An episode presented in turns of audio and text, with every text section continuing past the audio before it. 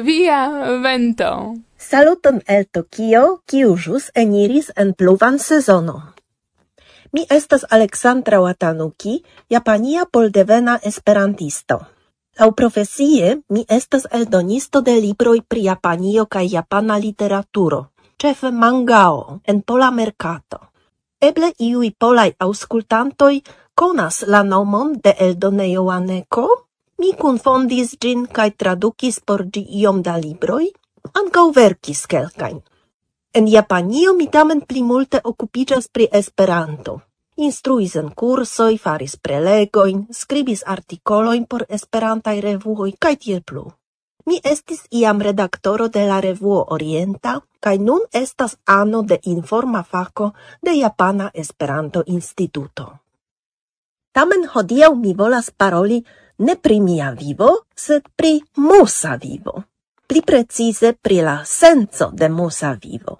Por clarigi tion, mi bezonas tamen reveni al mia propra vivo.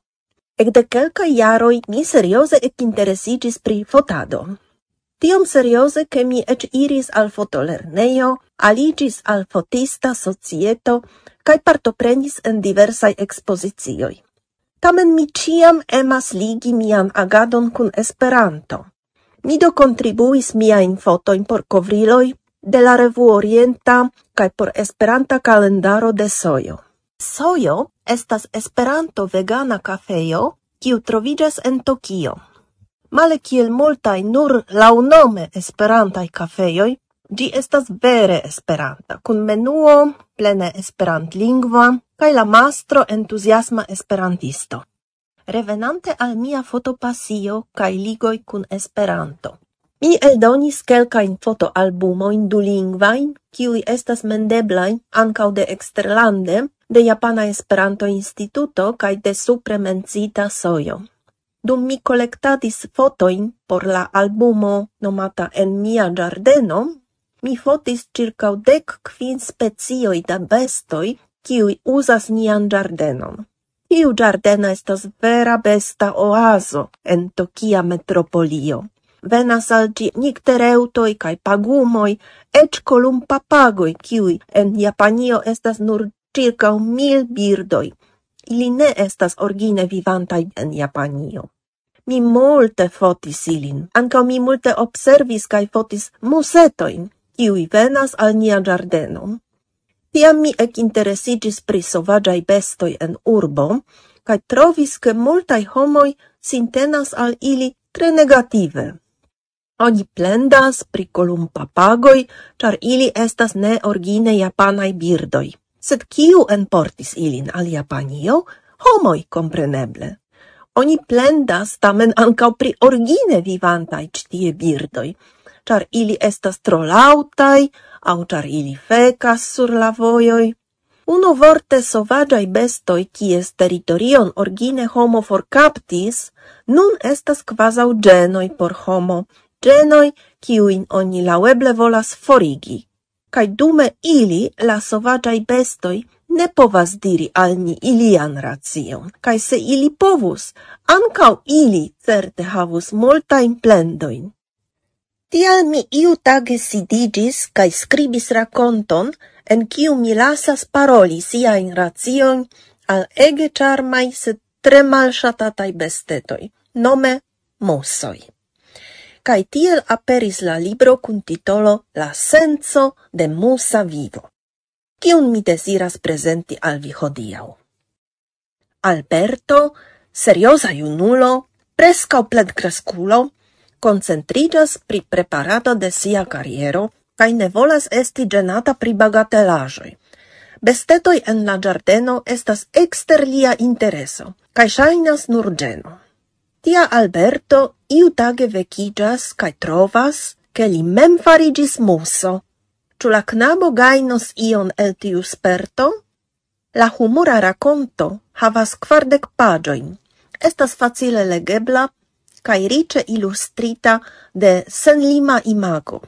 Mi malcasciu nur citie, che senlima imago estas facte nomo de alia mia nova proiecto, de graficajoi faritai cun helpo de artefarita intelligentezo. Vi povas trovi multain bildoin de gi sur Facebooko au Instagramo de Senlima Imago. Ankaŭ la ciara Esperanta kalendaro anstatau miain fotoin, enhavas ties illustrajoin. Pri libro mem plei bone racontas la unua recenzanto de gi, redaktoro de Esperanta portalo Studio, signoro Roberto Port. Kun danko al li, mi permessas al mi tralegi tie parton de lia recenzo. La senso de musa vivo estas belege illustrita libreto, kiu taugas por ciui agioi, agrable legebla en baza Esperanto. Malgraŭ sia lingva simpleco cal multaj ilustraĵoj kun musoj, di ne temas pri tipa infan libro, ancau tauga por iunuloi cae plencresculoi, sed inverse, pri libro por plencresculoi, ancau legebla por iunuloi cae infanoi. Fakte temas pri ege seriosa ecologia temo. Gi asertas che nia mondo estas multe pli amplexa cae detala ol ni povas imagi. Do la racconto proponas profundigi nian imag eblezon. Planeda ecologio interconnectas ciuin estajoin, sed versaine relative mal multai homoi pripensas rilaton inter homoi cae musoi. Tamen tio estas precize pri kio temas la curtusha novelo. Aleksandra Watanuki prenas nin en fantasian mondon, ne por fantasii pri musoi, sed por conscii pri ecologio. La autorino, ie la fino de la libro proponas, anstatau demandi pri la vivo senso de aliai, oni prefere pensu, kian signifon doni al sia propra vivo la novelo al mi ne prehavas tiun efekton, eĉ vivo shangian efekton pri la necesa konscio pro la naturo kaj ekologio en nia comuna mondo. Kaj kian efekton la libro havos al vi, kara aŭskultanto? Ču vi ekhavis iom da intereso? Mi dankas vin pro la pacienca aŭskultado. Havu bonan tagon.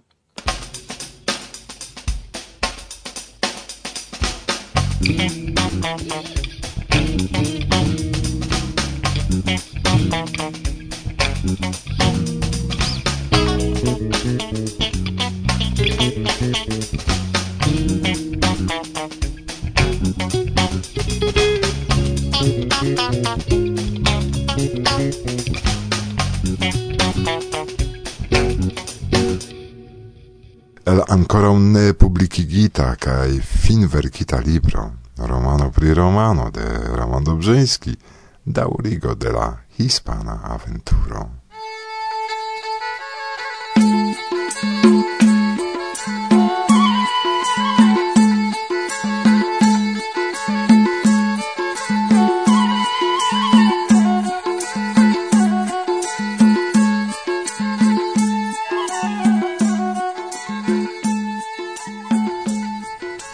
electita vojo estas mallarĝa kaj cavo plena. Ne eblas veturi pli rapide ol po kvardek kilometrojn hore. La suno descendas, malheliĝas. Kie dormi? Nu, aperas vilaĝo kaj sildo. Taverna. Compacta domo, dormejo, manĝejo kaj besto estas kunligitaj. Oni gastame acceptas min montras faldeblan liton, servas vinon, panon kaj sekan fromaĝon. Tuj kolektiĝas homoj, kiuj volas vidi fremdulon, ĉar tie turistoj ne gastas. La mastro laude informas, ke li laboris iomete en Germanujo kaj scivoleme demandas de kie mi venas. Mi diras Polonia. Li ne komprenas mi leccias che tio estas lando oriente de Alemania, no, Germanio. Li certas che in Polonia estas parolata la germana lingvo. Mi correctas poloi parolas pole. La mastro petas che mi diru calcain vorto in tiu ci lingvo. Mi dires oicenas patro nia, la mastro rompas ca informas siun che mi tre bone parolas germane. mi gioias che la dorbado cae manso costis nur quar pesetoi, ca mi bone parolas germane. Frumatene mi studas mapon kaj pripensas kiel veturi al Salamanca, kie atendas min la frato de Ines Gaston, sume circa 300 km. Sur voie eblas visiti Valladolid, la lastan sideon de la rezoa cortego anta orgi gi definitive translocita al Madrido fare de Filippo la Dua, 1561. En Valladolid geedzigis la geredzaj katolikoj Isabela kaj Fernando. Tie naskiĝis Filipo la dua, la rezo en kies imperio la suno neniam subiradis. Mi rigardas per proprae oculoi architecturain mirindazoin de Valladolid, pri kiu mi sciis el libroi, nome platoresco, o rumita stilo, kiu cerpis motivoin el maura culturo. Alia curiosa stilo estas churiguresco. Tiu vorto devenas de la nomo de Alberto Churigera, la architekto, kiu ricigis barokon per multegai ornamai elementoi kai sculptai detaloi. Ambau stiloi forte applicigis alla colonia arto en Latin Americo. Vespere mi atingas Salamancoin kai la adreson de Don Gaston. Li acceptas min gentile kaj gvidas promene inter lumigitaj konstruaĵoj. Li rakontas, ke tiu ĉi universitata urbo en la mezepoko, precipe en la dekvina jarcento, radis science al Europo, krome ĝi estas fonto de la platoresko kaj curigera stiloj. Ankaŭ ĝi famas pro sia mudeharo. La sekvan matenon mia kompetenta cicerono dediĉas al mi sian tempon ĝis la tagbezo. Mi multe fotas, notas kaj kolektas informilon pri mirindai objecto inter alie pri tu catedraloi, la malnova romanica kaj la nova baroca, estas conligitai, tamen presentas harmonian unuetson. Ambau trovigas ce la antiqua romana ponto. La promeno finitas en Plaza Major, cef plazo, simila al tiu en Madrido – Mia Cicerono demandas kiam mi planas viziti Madridon. Mi presentas la itineron scizitan de lia fratino. Li criticas la planon kaj proponas kontravan direkton. Unue viziton de Avila kaj Segovia, poste Madridon kaj Toledon. De tie mi veturo al Andaluzio, atingu Mediterraneon kaj laŭ ĝia bordo finu la vizitadon de Hispanio tiun ci consilon mi aprobas. Avila estas nur cent kilometrojn for. Zi situas pli ol mil metrojn super la marnivelo. Kiel bele aspektas ĝiaj defendmuroj construitai antau mil jaroi, La urbo estis vivloko de la Sancta Teresa el Avilo, canonizita en 1602 Tion ci eventon hispanoi solenis per centoi da tauro bataloi. La mistica monachino fondis multain claustroin de sensuae carmelaninoi, set mal multe mancis che si suferus autodafeon. Post la sanctulino restis memorasoi, ambigue impresis min ostoi de siai manfingroi cae relicfoi. Mi pluveturis laŭ la nof recomendita itinero al Segovia. Gi situas fronte al la norda massivo de Sierra de Guadarrama, kies monto pintoj atingas prescau 2500 metroi super la mar nivelo. La panorama de tiu ci urbo sarzas adveninton per siai tri gigantai arkitekturaj construasoi La plei malnova estas aquoducto de la tempo de la Romia imperiestro Vespasiano. Li regis en la ero sesdec nau, sepdek nau. Gi estas dunivela construajo, faritai el pli ol dudec mil granitai blocoi, cae longas septen dudec ok metroin. La aquo fluas el la fonto, kiu troviĝas sepdek kilometroin for, cae laulonge mal altigas sian nivelon daure je unu procento. La alia enorma obiecto estas Alcázar, forticaso, Gia araba nomo estas puro de la maura regado. Anto miliaroi tiu terreno iam apartenis al cristanoi, qui construis sur la sama loco sian defendeion, cae en la decfina iarcento pli pligrandigis ĝin kiel reĝan rezidencon. Tie estis cronita la regino de Castilio Isabel, la monarchino nomata la catolica, cae considerata la patrino de Hispanio. Antau la forveturo mi studas mapon cae vidas du vojoin al Madrido. Unu recte el Segovio ebligas survoje al la cefurbo viziti la exterordinarain objektojn, Escorial cae falo de falintoi, Valle de los Caídos. La unua construajo estas giganta ort angulo con flancoi du cent sep cae cent sesdec metroin. Se oni povus la tutan konstruaĵon renversi, oni image vidus rost cradon. La architectoi Juan de Toledo cae poste Juan de Herrera Lau tiu ci inspiro proiectis escorialon memore alla Sancta Laurenzo, quiu martire mortis rostite. La construado de tiu ci hibrida objecto, sancteio, palazzo, panteono, monacheio, museo, lerneo, biblioteco, estis passio de la rezo Filippo la Dua, li intense establis sian cortegon en Madrido por pli facile controlli la costruadon de Escorialo. Pri gi mi havas heime suffice da dokumentaro cae hesitas visiti tion ci mirindazon, cia tio costus multe da tempo cae mono por enir biletoi.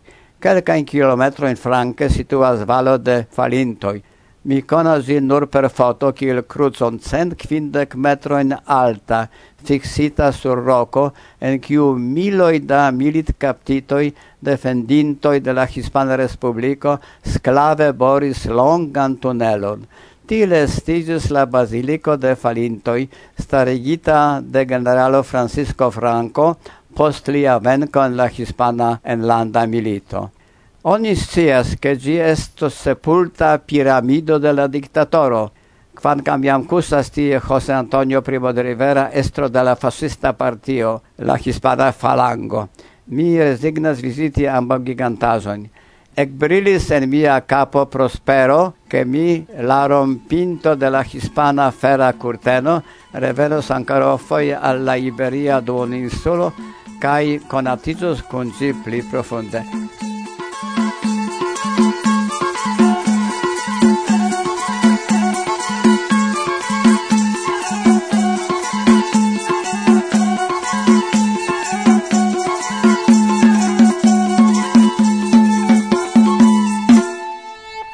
Laste mi havis iom da problemoj kun sano, do Irek decidis ke simple mi restu hejme anstataŭ labori en nia provizora studio pri la cent sesdek elsendo. Sed nun jam mi sana, preta kaj kun la maja monato en manoj antaŭ la mikrofono de Varsovia vento, bla bla bla. Aŭskultu sonon de la charma revua bruo. Yes!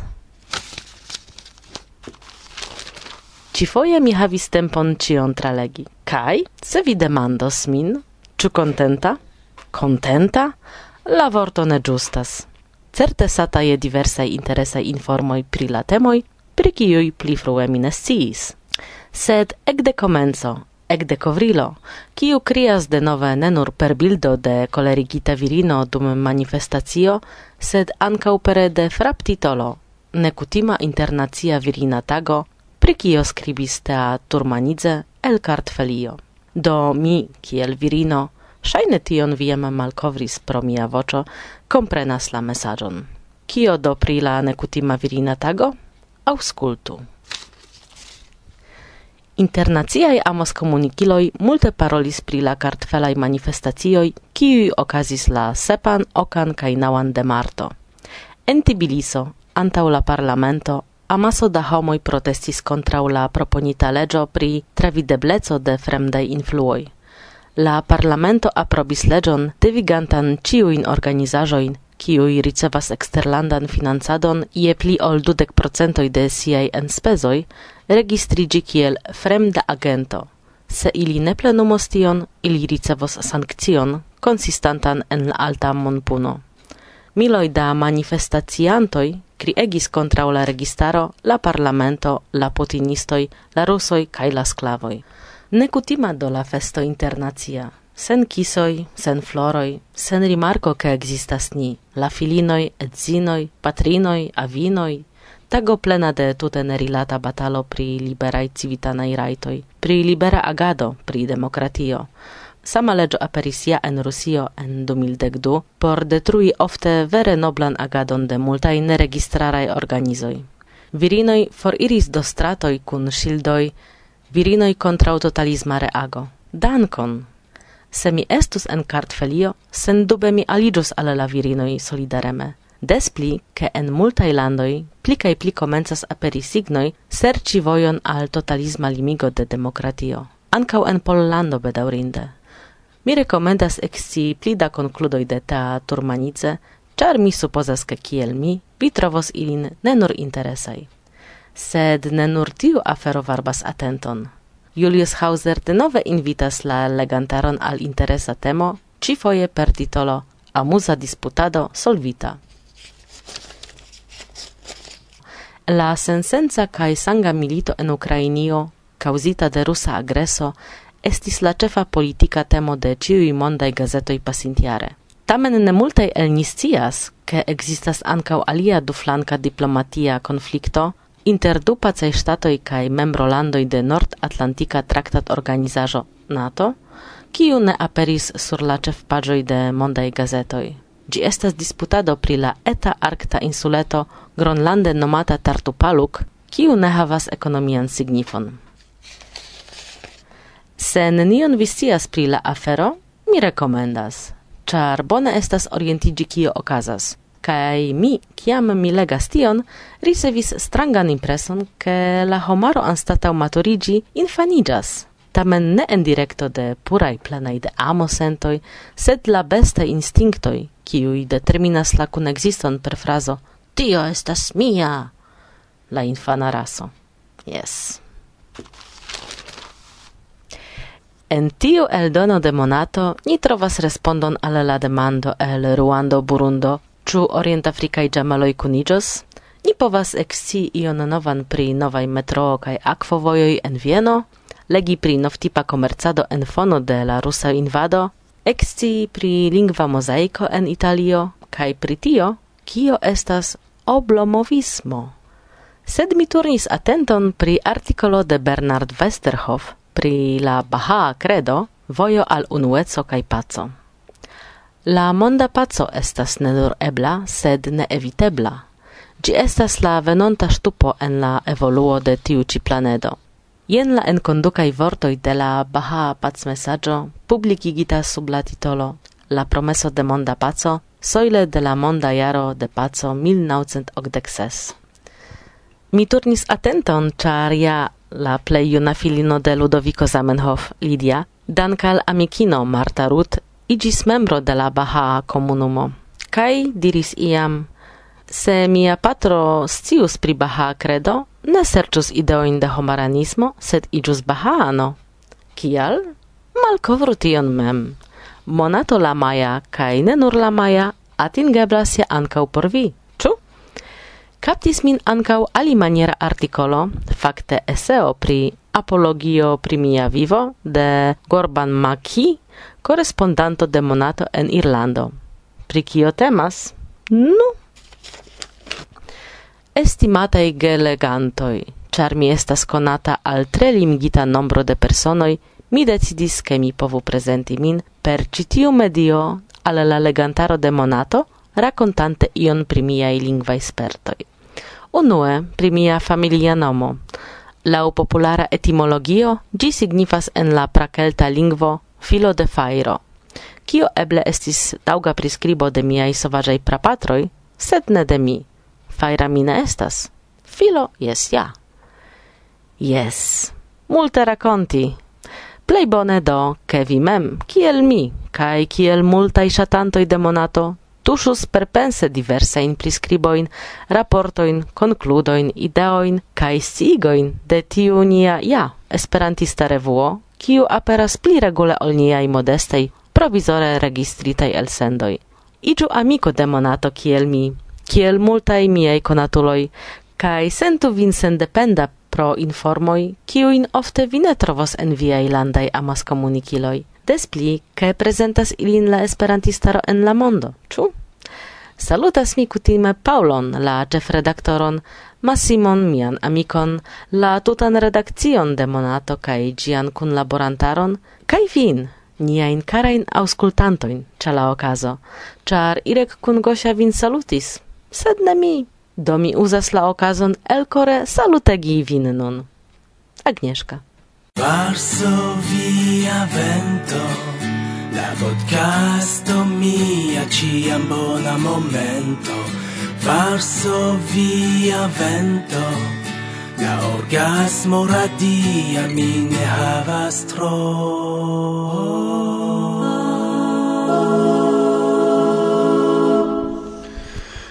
Kaj tio estas cio, kio ni preparis al vi kadre de ci, el sendo.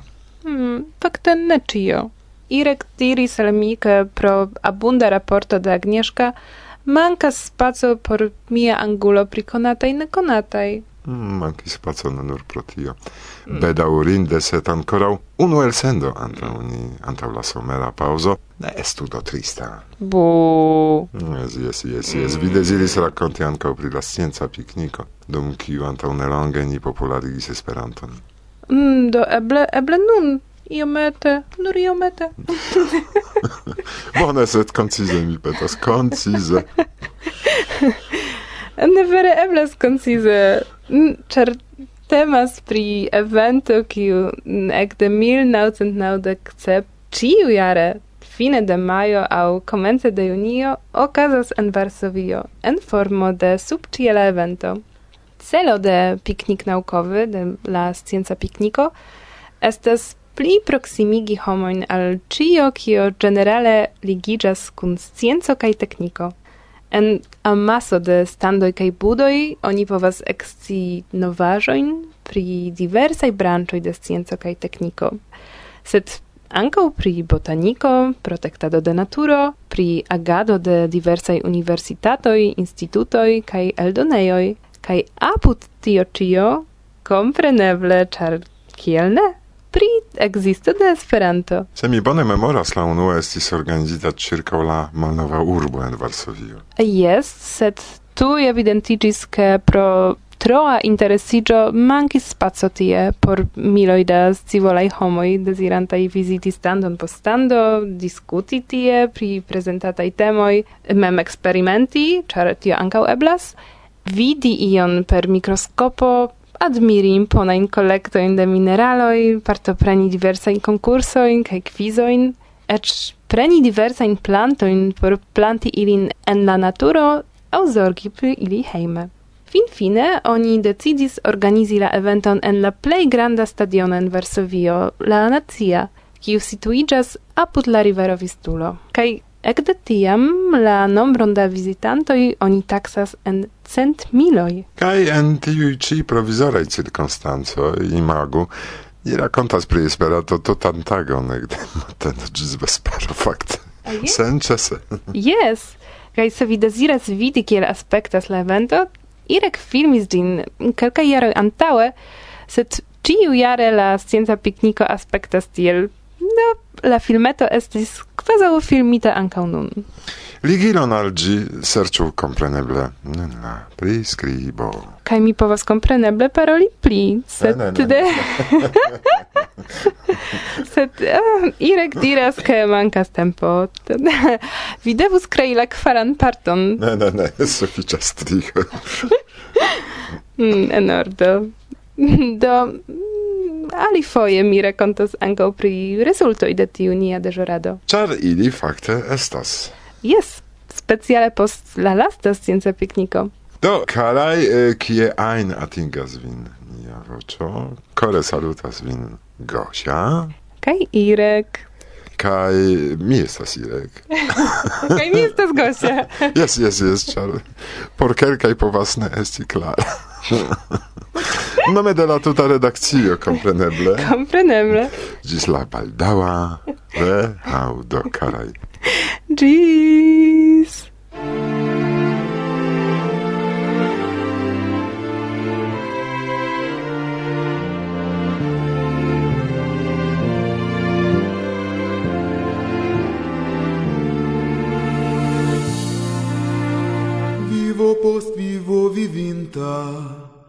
Morto vivo mortinta, nascigi mortigi renascigi, iri antauen ciam. Tia estas la legio, tia estas la legio, unu mondo citie, alia mondo tie, morti au vivi, iri antauen ciam. Tia estas la legio, tia estas la legio.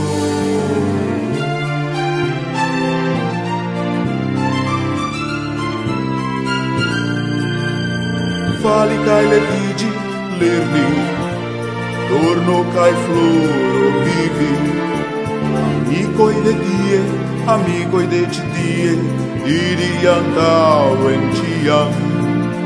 Tia estas la legio, tia estas la legio.